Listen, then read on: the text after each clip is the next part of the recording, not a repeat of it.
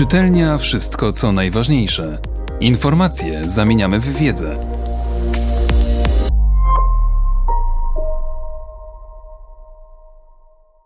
Roland Maszka Książka, której się nie wyrzuca. Zbliża się koniec roku szkolnego, czas nagród i wyróżnień, czas dedykacji.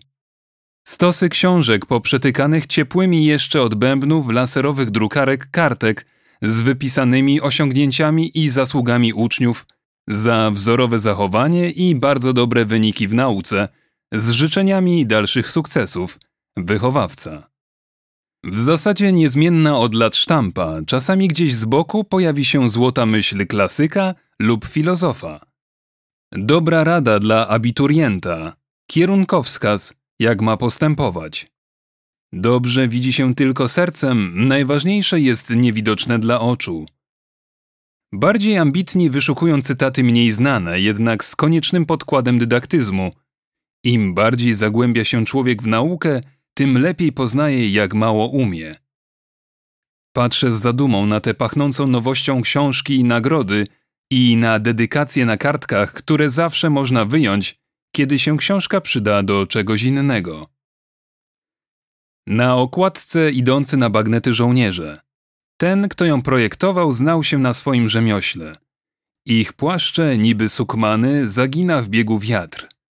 Są ciężkie, nawilgłe wielogodzinnym bezsennym oczekiwaniem na sygnał naprzód. Biegną miarowo, nie mogą się cofnąć ani zatrzymać, schować się gdzieś w wykrocie przed złowieszczym świstem kul.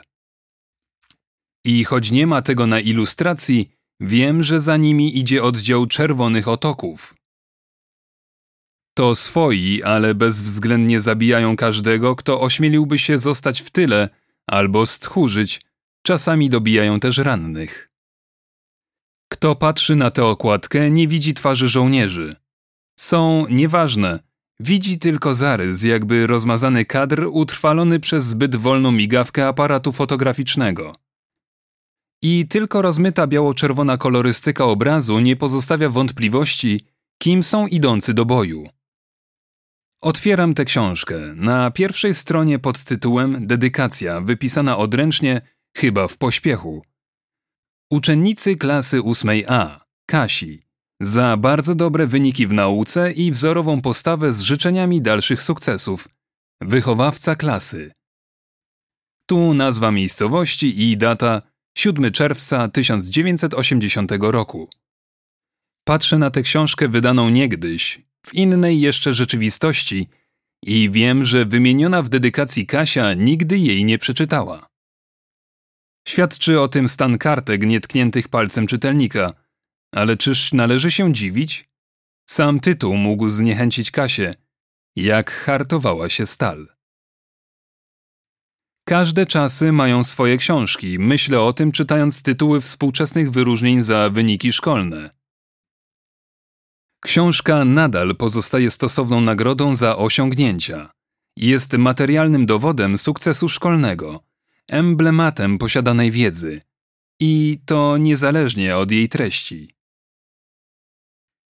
Oczywiście minęły już czasy tego koniunkturalizmu, który miał wpływ na to, jaką lekturę uczeń otrzymywał od swojego nauczyciela, czy szerzej rzecz ujmując, od szkoły. Ale dedykacje pozostają niezmienne. Nad treścią książek pochyliłbym się jednak bardziej, nawet jeśli należą do kanonu. Bo przecież wspomniana wyżej książka Nikołaja Ostrowskiego do kanonu też należała. Nie ma ona raczej współcześnie szans na zatoczenie szerszych czytelniczych kręgów i już w latach osiemdziesiątych była anachroniczna, a piętnastoletnia wówczas Kasia odłożyła ją na półkę jako szkolne trofeum. Nigdy jednak nie zamierzała naprawdę czytać o zmaganiach Pawki Korczagina. Nie wiadomo też, co przedstawia okładka książki. Może determinację, męstwo i autentyczną wiarę bolszewickich rewolucjonistów. Ale ktoś, kto nie zna treści lektury, mógłby się nabrać na biało-czerwony chwyt. Książka nie powinna stać na półce.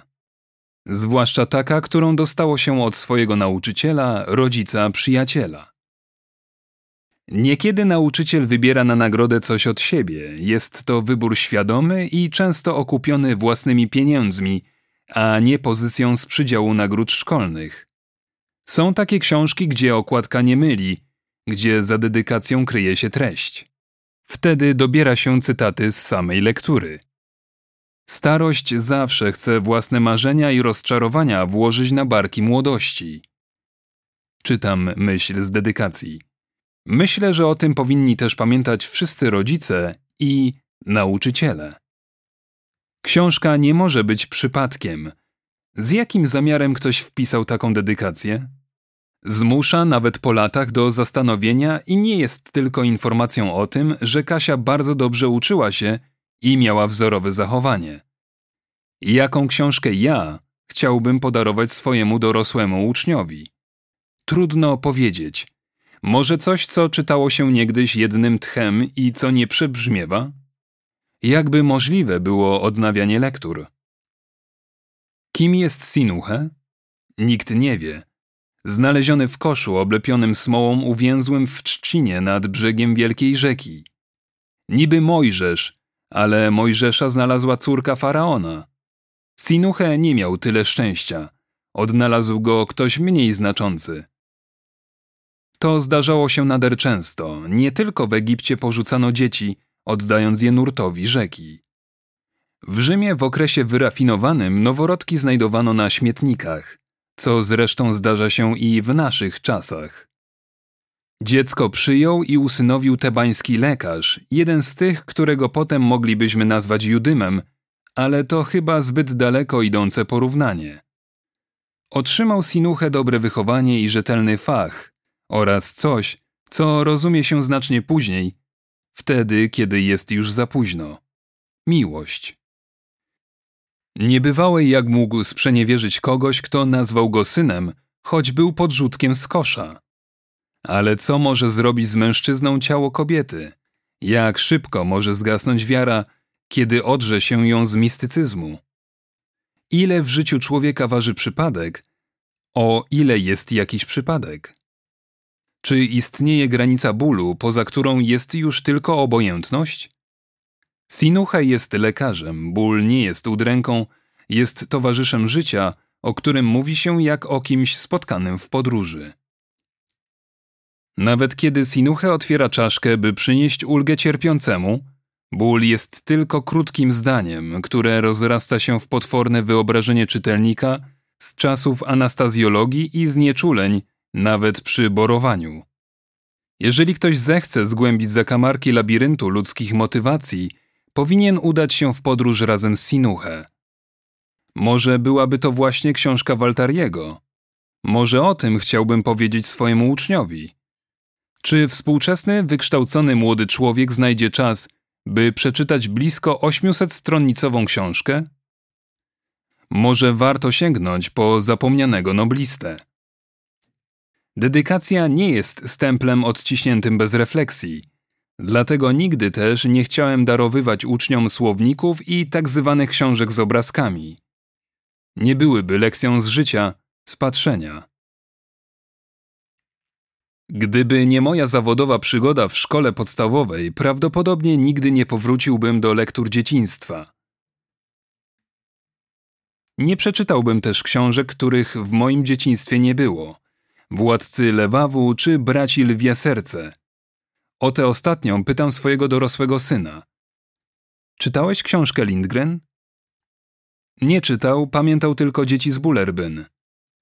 Rzucił, że pewnie chodzi o fragment historii Anglii, o plantagenetów. Jana bez ziemi i Ryszarda Lwie Serce. Była taka historia, jednemu ojciec nie pozostawił pięć ziemi, drugi był krzyżowcem – i praktycznie nie było go w kraju, bo dowodził krucjatą. I to ma być dla dzieci? Może to jakaś ubaśniowiona wersja, coś w rodzaju Robin Hooda? Pytam zatem o tę książkę w bibliotece. Nie, bibliotekarz też nie czytał, ale przynosi ją z działu dziecięcego.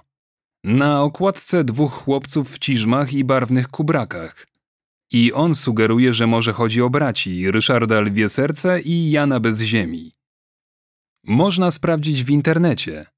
To już jest to pokolenie, które nie docieka inaczej. Biorę książkę i czytam. Napisana przez Lindgren opowieść jest historią o umieraniu.